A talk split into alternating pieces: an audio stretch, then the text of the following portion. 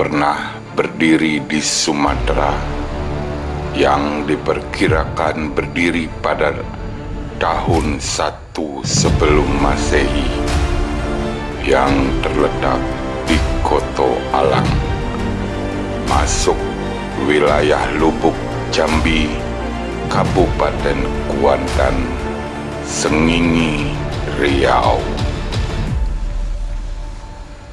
Keberadaan Kerajaan Kandis disebutkan juga di dalam negara Kerdagama dengan sebutan Kandis.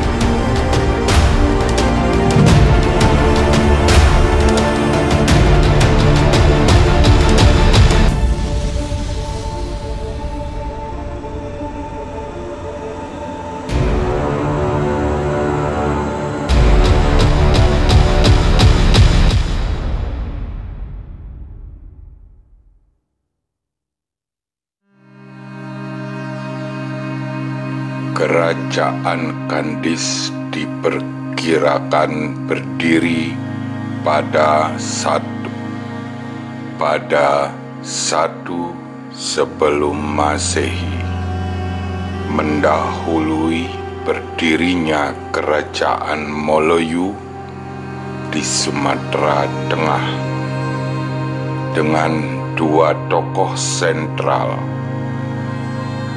yaitu Patih dan Tumenggung.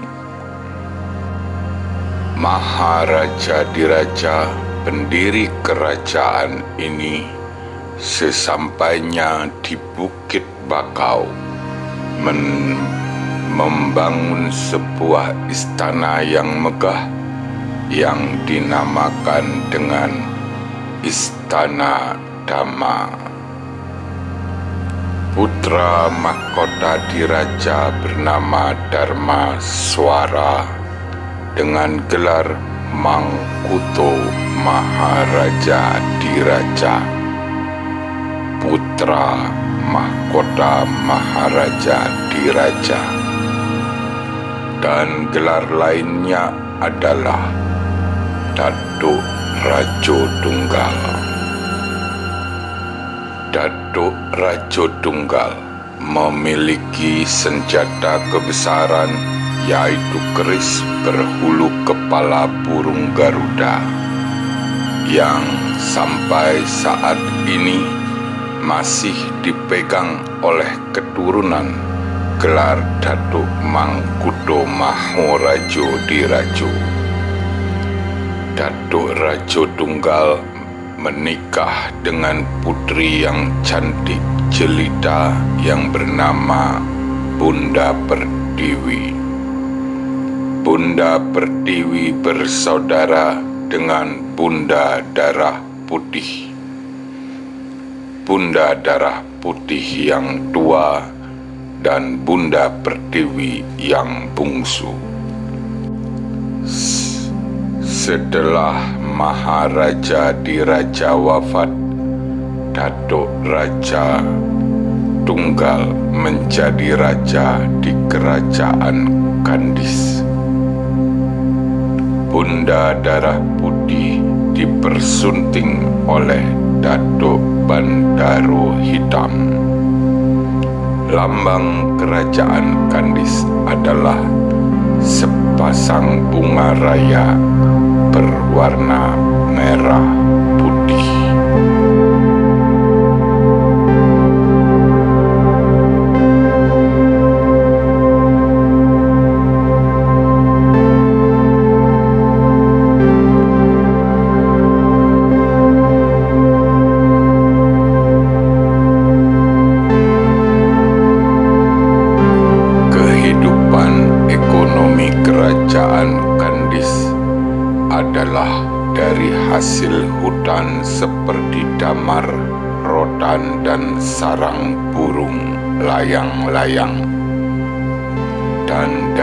hasil bumi seperti emas dan perak. Daerah kerajaan Kandis kaya akan emas, sehingga Rajo Tunggal memerintahkan untuk membuat tambang emas di kaki Bukit Bakar yang dikenal dengan tambang tidah. Artinya, tambang emas yang dibuat berdasarkan tidah raja dan sampai saat ini bekas peninggalan tambang ini masih dinamakan tambang tidah. Hasil hutan dan hasil bumi kerajaan Kandis diperdagangkan ke Muara ke Semenanjung Melayu oleh Menteri Perdagangan Dato Bandaro Hitam dengan memakai ojung atau kapal kayu. Dari Malaka ke Kandis, Dato Bandaro Hitam membawa barang-barang kebutuhan kerajaan dan masyarakat Kandis. Demikianlah hubungan perdagangan antara Kandis dan Malaka sampai Kandis mencapai puncak kejayaannya. Menteri Perdagangan Kerajaan Kandis yang bolak-balik ke Semenanjung Malaka membawa barang dagangan dan menikah dengan orang Malaka sebagai orang pertama yang menjalin hubungan perdagangan dengan Malaka dan meninggalkan cerita kerajaan Kandis dengan istana Dama kepada anak istrinya di Semenanjung Melayu. Datuk Raja Tunggal memerintah dengan adil dan bijaksana. Pada puncak kejayaannya, terjadilah perebutan kekuasaan oleh bawahan raja yang ingin berkuasa, sehingga terjadi fitnah dan hasutan orang-orang yang mampu dan berpengaruh berangsur-angsur pindah dari Bukit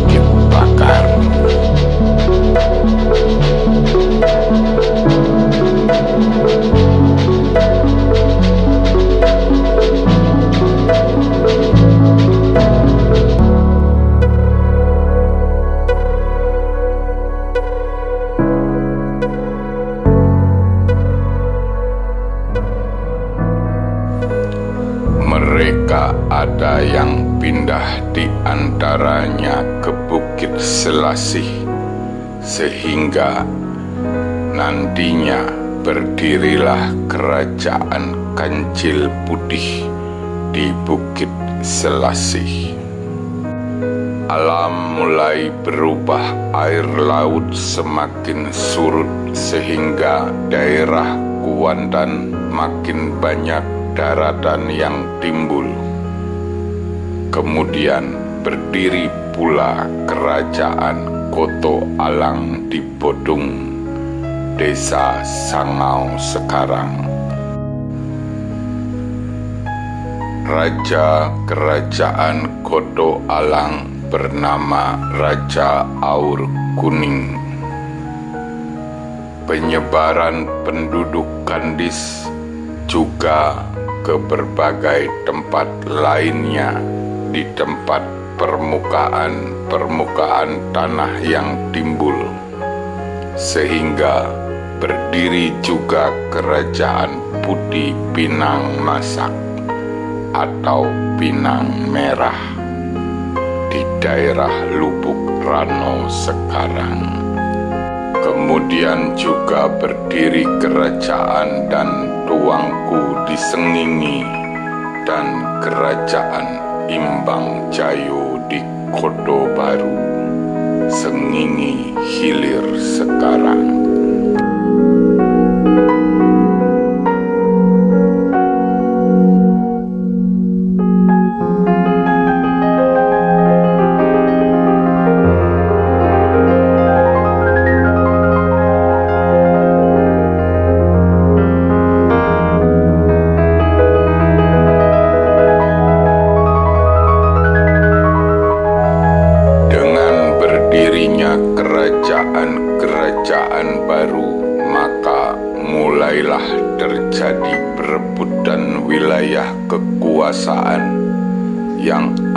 Akhirnya timbul peperangan antar kerajaan.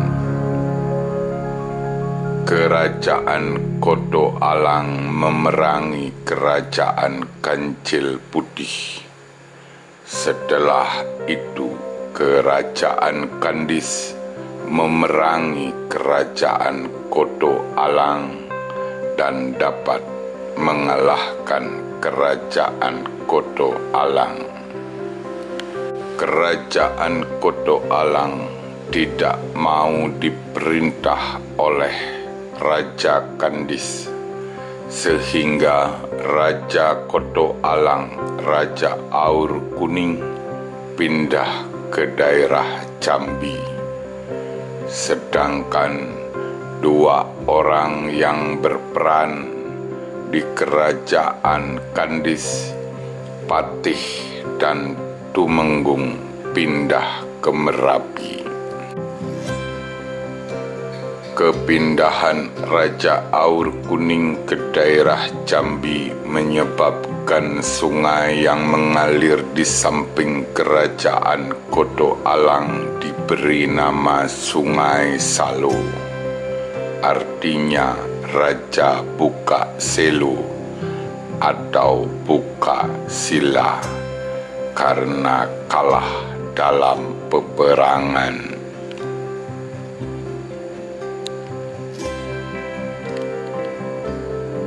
sedangkan Patih dan Tumenggung lari ke Gunung Merapi, gunung di Sumatera Barat, di mana keduanya mengukir sejarah Sumatera Barat dan berganti nama, di mana Patih menjadi Datuk Perpatihnan Sabatang dan Tumenggung berganti nama menjadi Datuk Katemenggungan.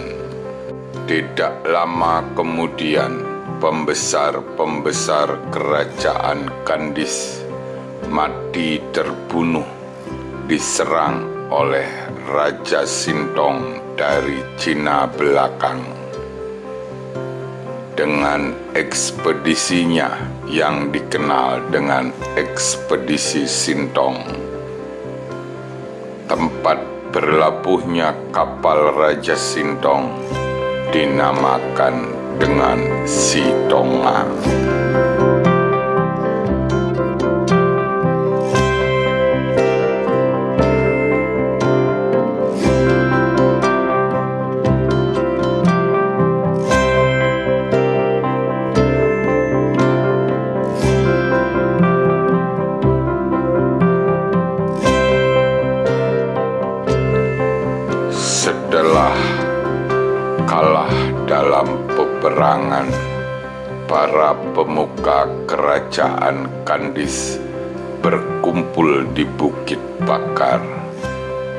Kecemasan akan serangan musuh, maka mereka sepakat untuk menyembunyikan istana Dhamma dengan melakukan sumpah. Dan sejak itulah istana Dhamma hilang dan mereka memindahkan pusat kerajaan Kandis ke Dusun Tuo, Teluk Kuantan sekarang. Demikianlah kisah tentang kerajaan tertua yang ada di Nusantara.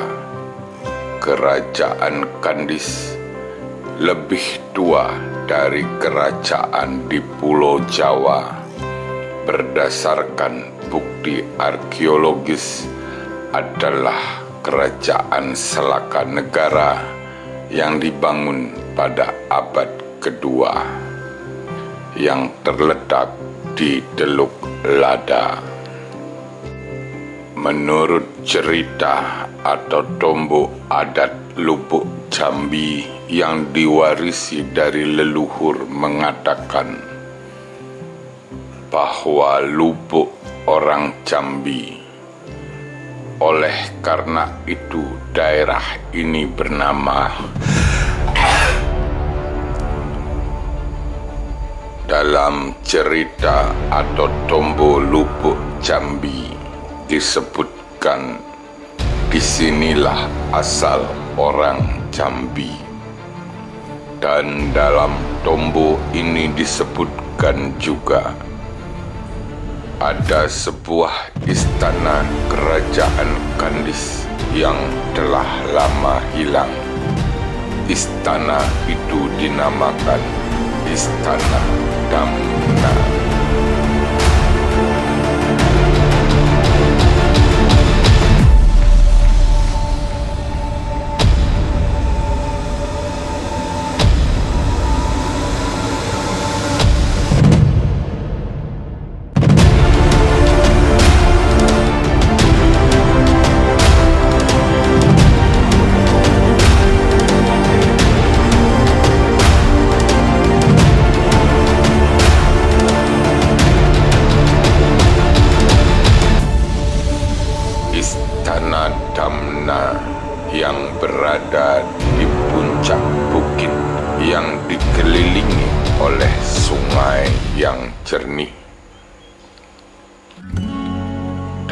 Berdasarkan penelusuran peninggalan sejarah yang dilakukan oleh tim arkeologis selama tujuh bulan dari September 2008 sampai April 2009 telah menemukan lokasi artefak dan puing-puing yang diduga kuat sebagai peninggalan kerajaan Kandis dengan ciri-ciri lokasi mirip dengan sketsa Plato 347 sebelum Masehi tentang Atlantis. Catatan-catatan tentang Kandis yang diambil dari Dambo Jambi. Menyatakan bahwa Raja Kerajaan Kandis mendirikan Istana Damna istana yang terletak di atas gunung yang dikelilingi oleh air sungai yang jernih. Hal ini juga pernah dicatat di dalam catatan Plato, seorang filosof kelahiran Yunani yang hidup pada tahun 427 sampai 347 sebelum Masehi. Plato adalah salah satu murid dari Socrates, filosof arif bijaksana dari Yunani. Plato sering bertualang termasuk perjalanannya ke Mesir.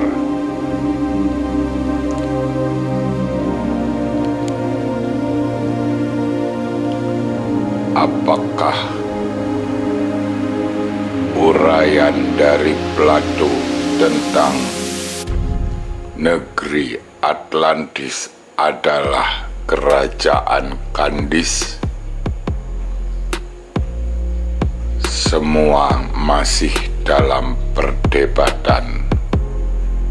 Tapi bukti-bukti dari penelitian awal menunjukkan ada kemungkinan kerajaan Kandis disebut-sebut dan ditulis dengan sebutan negeri Atlantis oleh Plato. Kesimpulan ini masih bersifat dugaan atau hipotesa selama penelitian belum berakhir. Penelitian arkeologi akan menjawab kebenaran dugaan dan kebenaran tombo atau cerita adat yang ada di tengah-tengah masyarakat Jambi.